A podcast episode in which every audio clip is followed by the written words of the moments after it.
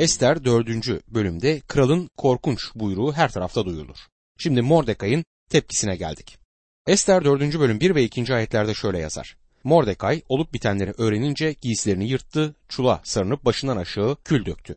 Yüksek sesle ve acıyla feryat ederek kent merkezine geldi. Varıp sarayın kapısında durdu. Çünkü çula sarılmış hiç kimse bu kapıdan içeri giremezdi diyor. Mordekay Yahudilerin yok edilmesi buyruğunu duyduğunda üzerine çuvaldan giysi giyip küller döktü başından aşağıya.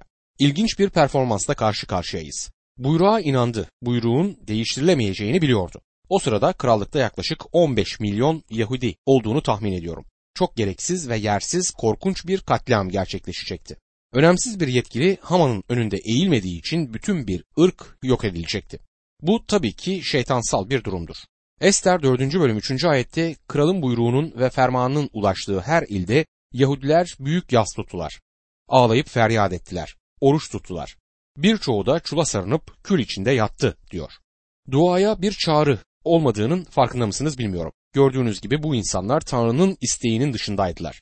Yaşayanın önceden bildirmiş olduğu Koreş'in buyruğu onların İsrail'e dönmelerine izin vermişti ama onlar geri dönmemişlerdi. Tanrı'nın isteğinin dışındaydılar ve bunun sonucu olarak hiçbir dua çağrısı bulunmamaktadır. Ama ritüelin geri kalan kısımlarını yapmaktalar. Oruç tutmak, çuval giyip kül sürmek ve büyük bir yaz dönemi. Kralın buyruğuna inanmışlardı. Bu tarihsel kitaplara ve ayrıca Daniel kitabına göre Medler ve Perslerin yasası değiştirilemezdi. Ve kralın kendisi bile güzel kraliçesini boşadıktan sonra onu asla yeniden alamıyordu çünkü kraliçenin bir daha hiçbir zaman kralın önüne çıkmaması için buyruk çıkartılmıştı. Kralın kendisi bile yasa yapıldıktan sonra onu değiştirememişti. Ve bu yüzden bu ölüm buyruğu krallıkta duyulduğunda Yahudiler buna inanmışlar ve çuval giyip küller içinde yas tutmuşlardı. Günümüzde insanlar günahlı olduklarını düşünmemektedirler. Ben bunun sorumlusunun kilise olduğunu düşünüyorum. Bu durum sadece kurtulmamış insanlar için değil, inanların da yürekleri ve yaşamlarında böyledir. Sıradan bir inanlı evet ben Mesih'e güveniyorum der ama hayatındaki günah onu hiç rahatsız etmez. Çağdaş kilise hayatında bu inanç eksiktir. İster kurtulmuş olsun, ister kayıp olsun, en son ne zaman bir günahlının merhamet için Tanrı'ya yakardığını duydunuz. Ben hizmetimin başlangıcında epey gözyaşı gördüm. İnsanların Tanrı'ya yakardıklarını gördüm. Günümüzde ne yazık ki bunu bu kadar çok sık görmüyorum. Müjdeci kamplarda bile birçok insan öne çıkıyor ama insanların yaşamlarında günah konusunda üzüntü ve ağlayış eksiktir. Peki neden? Tanrı'nın bu konuda ciddi olduğuna inanmıyorlar da ondan dostum. Tanrı'nın günaha karşı yargıyı mutlaka getireceğine inanmıyorlar ve günahlı da bunu unutup Mesih'e dönmüyor. Mordekay bu buyruğun ciddiliğini biliyordu ve ona inanmıştı. Giysilerini yırtmış, üzerine çuval giyip küller sürmüştü. Kentin merkezine gidip yüksek sesle ve acı içerisinde ağladı. Krallığın her yerindeki Yahudiler yas tuttular, oruç tuttular, ağladılar ve feryat figan içerisinde yalvardılar. Hepsi buyruğun ciddiyetine inanmıştı. Ester 4. bölüm 4. ayette hizmetçileriyle harem ağaları gelip Mordekay'ın durumunu anlatınca kraliçe Ester çok sarsıldı. Çulunu çıkartıp giyinmesi için Mordekay'a giysiler gönderdi ama Mordekay bunları kabul etmedi diyor. Kraliçe olarak kendini tamamen güvenlikte hisseden Ester kendisini yetiştiren Mordekay'ın davranışından ötürü utanmıştı. Kentin her tarafında ağlayıp inleyerek dolaşıyordu. Bunun üzerine Ester bakın ne yapıyor. Ona yeni bir kıyafet yolluyor. Güzel, pahalı ve zarif giysiler. Büyük bir olasılıkla parlak renkli giysiler ama bütün parlak renkler ve yeni giysiler kralın buyruğunu değiştiremez. Mordekay giysileri kabul etmedi. Bu giysiler lekeyi kaldırmayacaklardı. Burada bir beklenti bulunmaktadır. Dinin örtüsü bir insanın Tanrı'nın önünde günahlı olduğu gerçeğini ortadan kaldırmaz. Din günahın bedelinin ölüm olduğu gerçeğini de değiştirmez. İnsanlar günahla çeşitli yollarla başa çıkmaya çalışırlar. Bazıları parlak renkli giysiler yöntemini dener. İnsanın günahkar olduğuna inanmayı reddederler. Kendilerini günahın gerçekliğinden saklayabileceklerini düşündükleri her giysiye sarılırlar. Bir başkası reform hareketlerinin parlak renkli giysilerini giymektedirler. Günahın sadece küçük bir hata olduğunu söyleyen ve onu örtmeye çalışan insanlar olur. Günahın reform edilebileceğini sananlar var. Birisi çağdaş kilise kürsülerinin nazik bir adamın bir grup nazik insanın önünde ayağa kalkıp onları daha nazik olmaya teşvik ettiği bir yer olduğunu söylemiştir. Dostlarım ben bundan daha yavan bir şey düşünemiyorum. Dünyanın kiliseyi geride bırakarak geçip gitmesine şaşmamalı. İhtiyacımız olan şey reform değildir. İhtiyacımız olan şey yeniden doğmaktır. Yahudilerin bir önderi olan Nikodim dindardı ama Rabbimiz ona Yuhanna 3. bölüm 7. ayette yeniden doğmalısın demişti.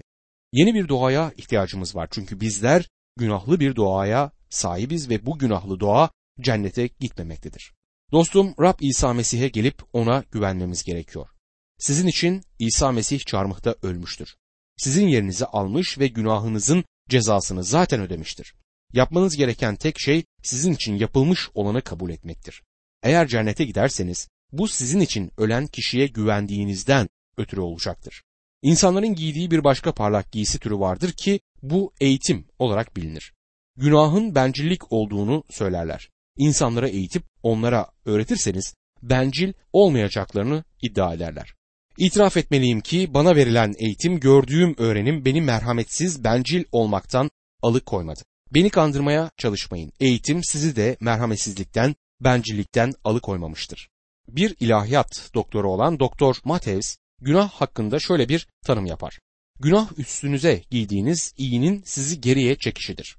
Bunun üzerinde bir süre düşünelim. Aslında günahın iyi bir şey olduğunu söylediğini görürsünüz. Dinin sonunda size söylediği şey budur.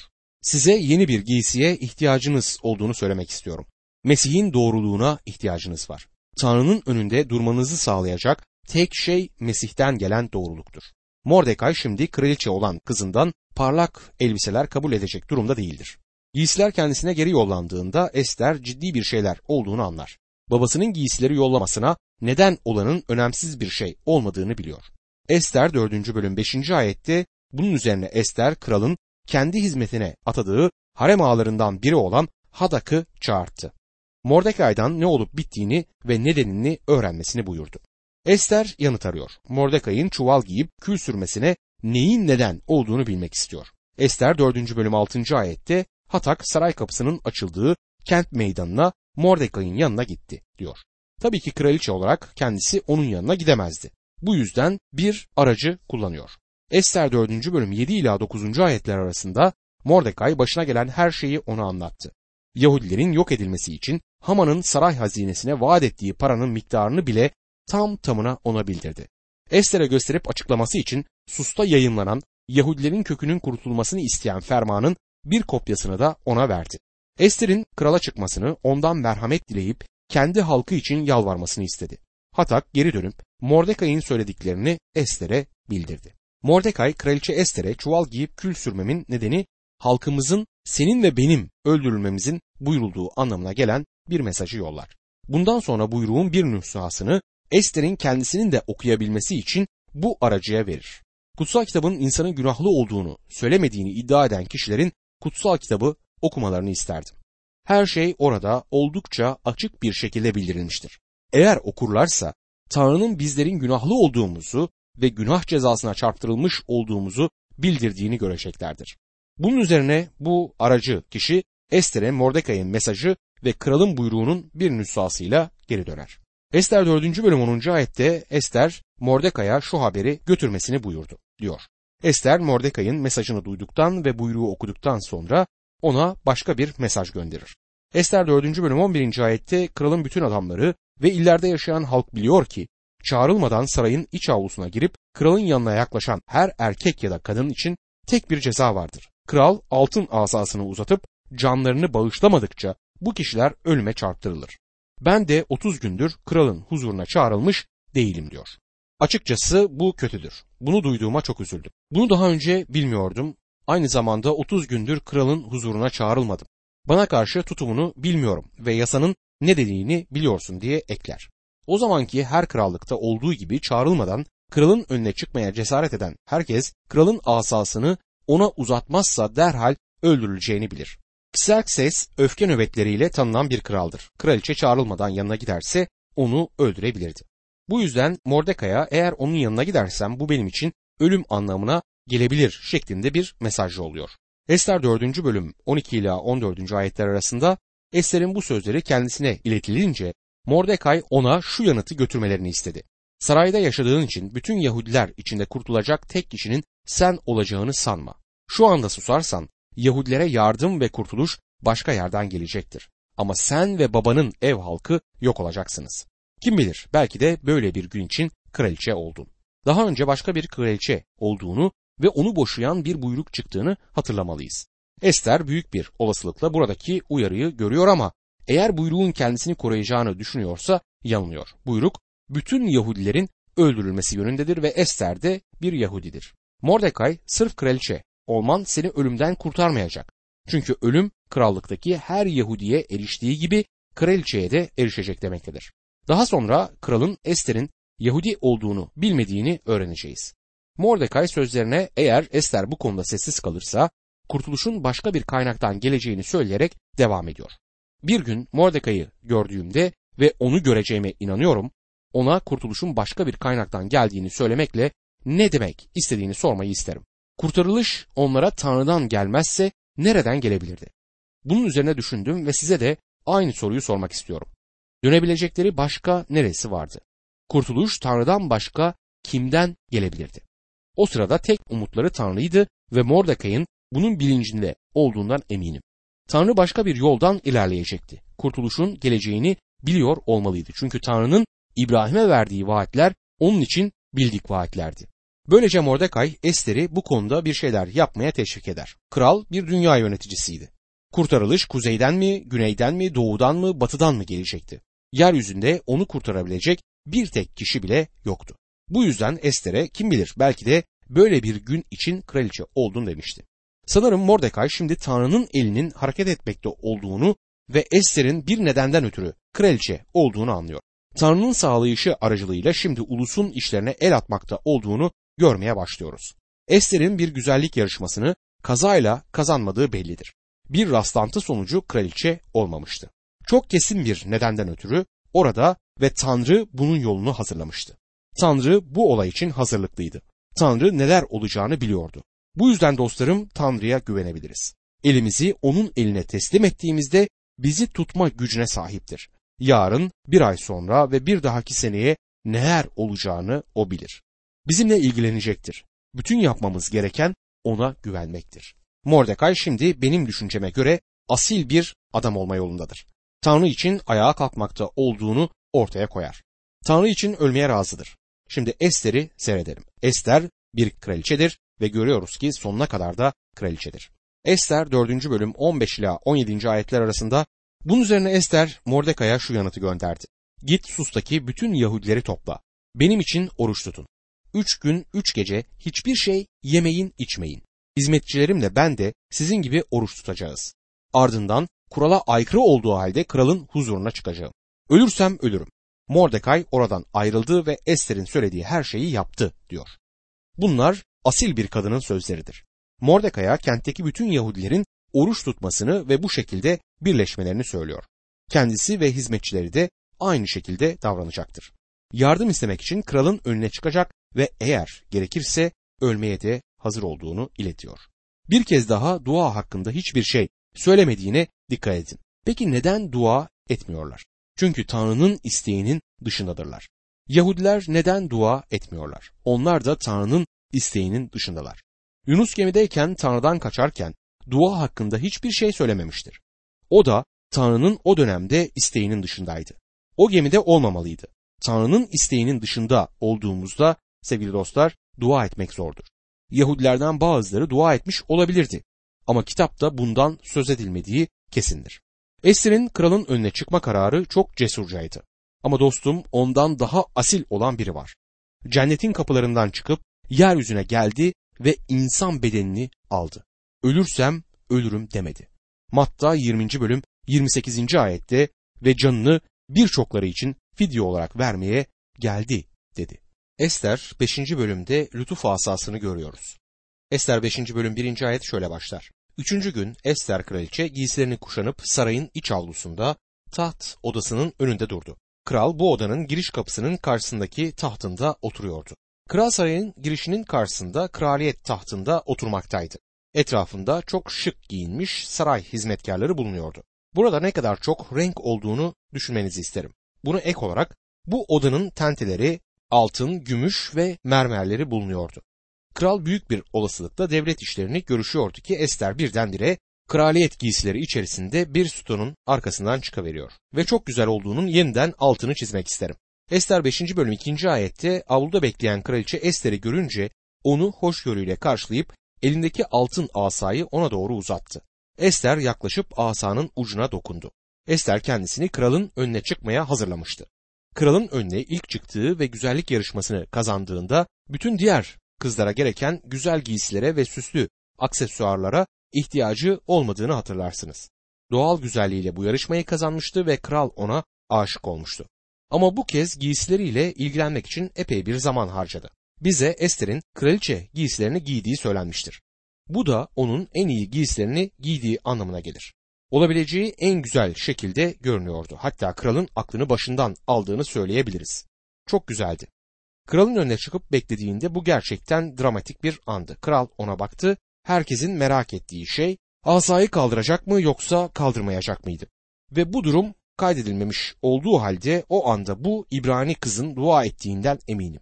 Gerçekte ne kadar umutsuz ve çaresiz bir durumda olduğunun bilincinde olmalıydı. Ve sonra kral altın asayı ona doğru kaldırdı ve büyük bir olasılıkla gülümsedi. Bundan sonra o zaman adet olduğu üzere Ester ilerledi ve elini asanın üzerine koydu. Önümüzde harika bir sahne bulunmaktadır. Bu kitapta Medler ve Perslerin yasasını vurguladım ve bu yasayı Tanrı'nın yasasıyla kıyasladım. Ve dostlarım Tanrı yasasını hiçbir zaman değiştirmemiştir. Şimdi her zaman olduğu kadar gerçektir. Bu Tanrı'nın yasasıdır, değiştirilemez. Tanrı kendi karakterini değiştirmeden yasasını değiştirmez. Öykünün bir başka yanı daha vardır. Kralın kraliçe Ester'e asasını uzatarak ona hayat verdiğini görüyoruz. Tanrımızın da günümüzde asasını insanlığa uzattığını görmekteyiz. Herkesin günah işleyip Tanrı'nın yüceliğinden yoksun kaldığı doğrudur. Günahlarımız içinde ölü olduğumuz doğrudur. Günah işleyen can ölecektir ayeti doğrudur. Ama gördüğünüz gibi Tanrımız o büyük yasayı yenmiştir ve onu yenebilmesinin tek yolu kendisinin dünyaya gelip bizim günahlarımızı kendi üzerine alması ve günahlarımızın bedelini ödemesiydi. Çünkü bu yasa iptal edilmemişti ve günümüzde de iptal edilmiş değildir. Dostum Tanrı sizi kurtardığında bunun nedeni birisinin sizin günahlarınızın cezasını ödemiş olmasıdır. O çarmıhın üzerinde sizin ve benim yerimi alarak ölmüştür. Bunun sonucu olarak Tanrı yeryüzüne lütuf asasını uzatır ve herkese bana gelebilirsin. Lütuf asasına dokunabilirsin. Benden kurtuluş alabilirsin demektedir. Şimdi Ester kralın huzuruna gelmiştir ve kral acil bir durum olmamış olsaydı hiçbir zaman bu çabayı göstermeyecek olduğunun bilincindedir. Ester 5. bölüm 3. ayette kral ona ne istiyorsun kraliçe Ester dileğin ne diye sordu. Krallığın yarısını bile istesen sana verilecektir. Kendi önüne küçük bir sorundan ötürü gelmediğini biliyor. Yeni bir şapka almak için para istemeye ya da dışarıya yemeğe gitmeye istediğini söylemeye gelmediğini biliyor. Kraliçesini rahatsız eden bir şey olduğunun farkındadır. Titrediğini ve büyük bir sıkıntı içerisinde olduğunu görüyor. Onun kendisini rahat hissetmesini ister ve bunun üzerine ona sana krallığımın yarısını bile veririm der. Bu boş bir laf değildir. Ona kendisini rahat hissettirmek için ona boş bir çek vermektedir ve miktarını kendisinin doldurmasını söyler. Ester 5. bölüm 4. ayette Ester kral uygun görüyorsa bugün kendisi için vereceğim şölene Haman'la birlikte gelsin diye karşılık verdi. Ester istediğini hemen bildirmez. Sadece kralı yemeğe davet ediyor ve kendisinden Haman'ı da getirmesini rica ediyor. Talep ettiği şeyin sadece Yahudilerin ölümü değil, kendisinin de ölümü olduğunu krala bildirirken onun da orada olmasını istemektedir. Ester'in yaptığı şey cüretkar ve cesurca bir harekettir. Halkına yardım edebilecek tek kişinin kendisi olduğunu biliyordu. Ne de olsa Tanrı kendisini kraliçe konumuna kendi sağlayışıyla getirmişti. Ester'in kendisinin Tanrı'nın isteğiyle orada olduğunu hiçbir zaman söylemeyeceğinden eminim. Hatta Tanrı'nın ismini bile söylemez. Ama bunun kendisi için ölüm anlamına geleceğini bile bile kralın huzuruna çıkmıştır. İşte olan budur. Dostum bir gün hepimiz krallar kralının önünde duracağız. Her inanlı bir ödül alıp almayacağını görmek için onun önünde duracaktır. Bu yargı Mesih'in Bema tahtında olacaktır. Sadece kaybolmuşların kralın önüne çıkacağı başka bir yargı daha vardır. Bu işlerine göre yargılanacakları büyük beyaz tahtın yargısında gerçekleşecektir. Kral asayı Ester'e uzattığı ve onun da yaklaşıp asaya dokunduğu gibi Tanrı bugün bizlere lütuf asasını uzatmakta ve bize sunduğu şeyi kabul ederek imanla gelip ona dokunmamızı istemektedir. Tanrı güzel olduğumuzdan ötürü bize karşı lütufkar değildir. Benim aynam bana güzel olmadığımı söylüyor ve her birimiz de içimizde çirkiniz. Günah insan yüreğinden çıkmaktadır. Dünyadaki kirlilik hakkında elimizden geleni yapmamız gerektiği konusunda çok şey duyuyorum ve ben de aynen buna katılıyorum ama ben temizliğe sorunların başladığı yerden yani insanın yüreğinden başlamak istiyorum. Tanrı oğlu Rab İsa Mesih'i kabul edecek olan herkese lütuf asasını uzatmaktadır. Ester 5. bölüm 5. ayette kral adamlarına Ester'in isteğini yerine getirmek için Haman'ı hemen çağırın dedi. Böylece kralla Haman Ester'in verdiği şölene gittiler. Bu ayette kralın hislerini anlayabiliyoruz. Haman'a Ester'in bizi yemeğe çağırdığını ve Ester'in söylediğini yerine getirmek için gelmesini söyleyin demektedir. Kral Haman'a çok cömert davranmıştı. Onu başbakan yapmıştı. Haman'a yüzüğünü vermiş ve onun Yahudileri öldürme isteğini halka bildirmesine izin vermişti. Ama kraliçe Ester'le kıyaslanınca Haman'ın Ester'e itaat etmesi gerekmekteydi. Çünkü Ester kraliçeydi. Bütün bunlar onun epey kayrıldığını gösterir. Kral ve Haman Ester'in hazırlamış olduğu ziyafete geliyorlar. Ester 5. bölüm 6. ayette şarap içerlerken kral yine Ester'e sordu. Söyle ne istiyorsun? Ne istersen verilecek. Dileğin nedir? Krallığın yarısını bile istesen sana bağışlanacak. Ziyafette Ester belli ki sinirlidir ve kral onu derinden rahatsız eden bir şey olduğunu açıkça görebilmektedir. Ona isteğinin ne olduğunu sorar ve ona krallığının yarısını istese bile bağışlanacağını söyler. Görmüş olduğumuz gibi bu deyim isteği her ne ise elde edebileceği anlamına gelmektedir. Onun hala endişeli olduğunu görür ve ona boş bir çek verir. Buradan alınacak bir ders var. Tanrı Rab İsa Mesih aracılığıyla bizlere boş bir çek vermiştir. Elçi Paulus Filipeliler 4. bölüm 19. ayette Tanrım yücelerdeki zenginlikleriyle Mesih İsa'da gereksinmelerimizi bollukla karşılayacaktır diyebilmektedir. Tanrı bizlere boş bir çek vermiştir ama kendisi çeki imzalamış olduğu halde miktar yazılmamıştır. Böyle bir krala sahip olmak gerçekten harikadır. Ama bir kraldan daha fazlasıdır Tanrı. O bizim kurtarıcımızdır. Dünyanın kurtarıcısıdır. Lütuf asasını kayıp dünyaya uzatmaktadır. Bu zalim kral Ester'e neden bu kadar lütufkar ve sabırla davranmaktadır? Süleyman'ın özdeyişleri 21. bölüm 1. ayette kralın yüreği Rabbin elindedir. Kanaldaki su gibi onu istediği yöne çevirir demektedir. Ester'in öyküsünde Rabbin kralı yönlendirdiği kesindir.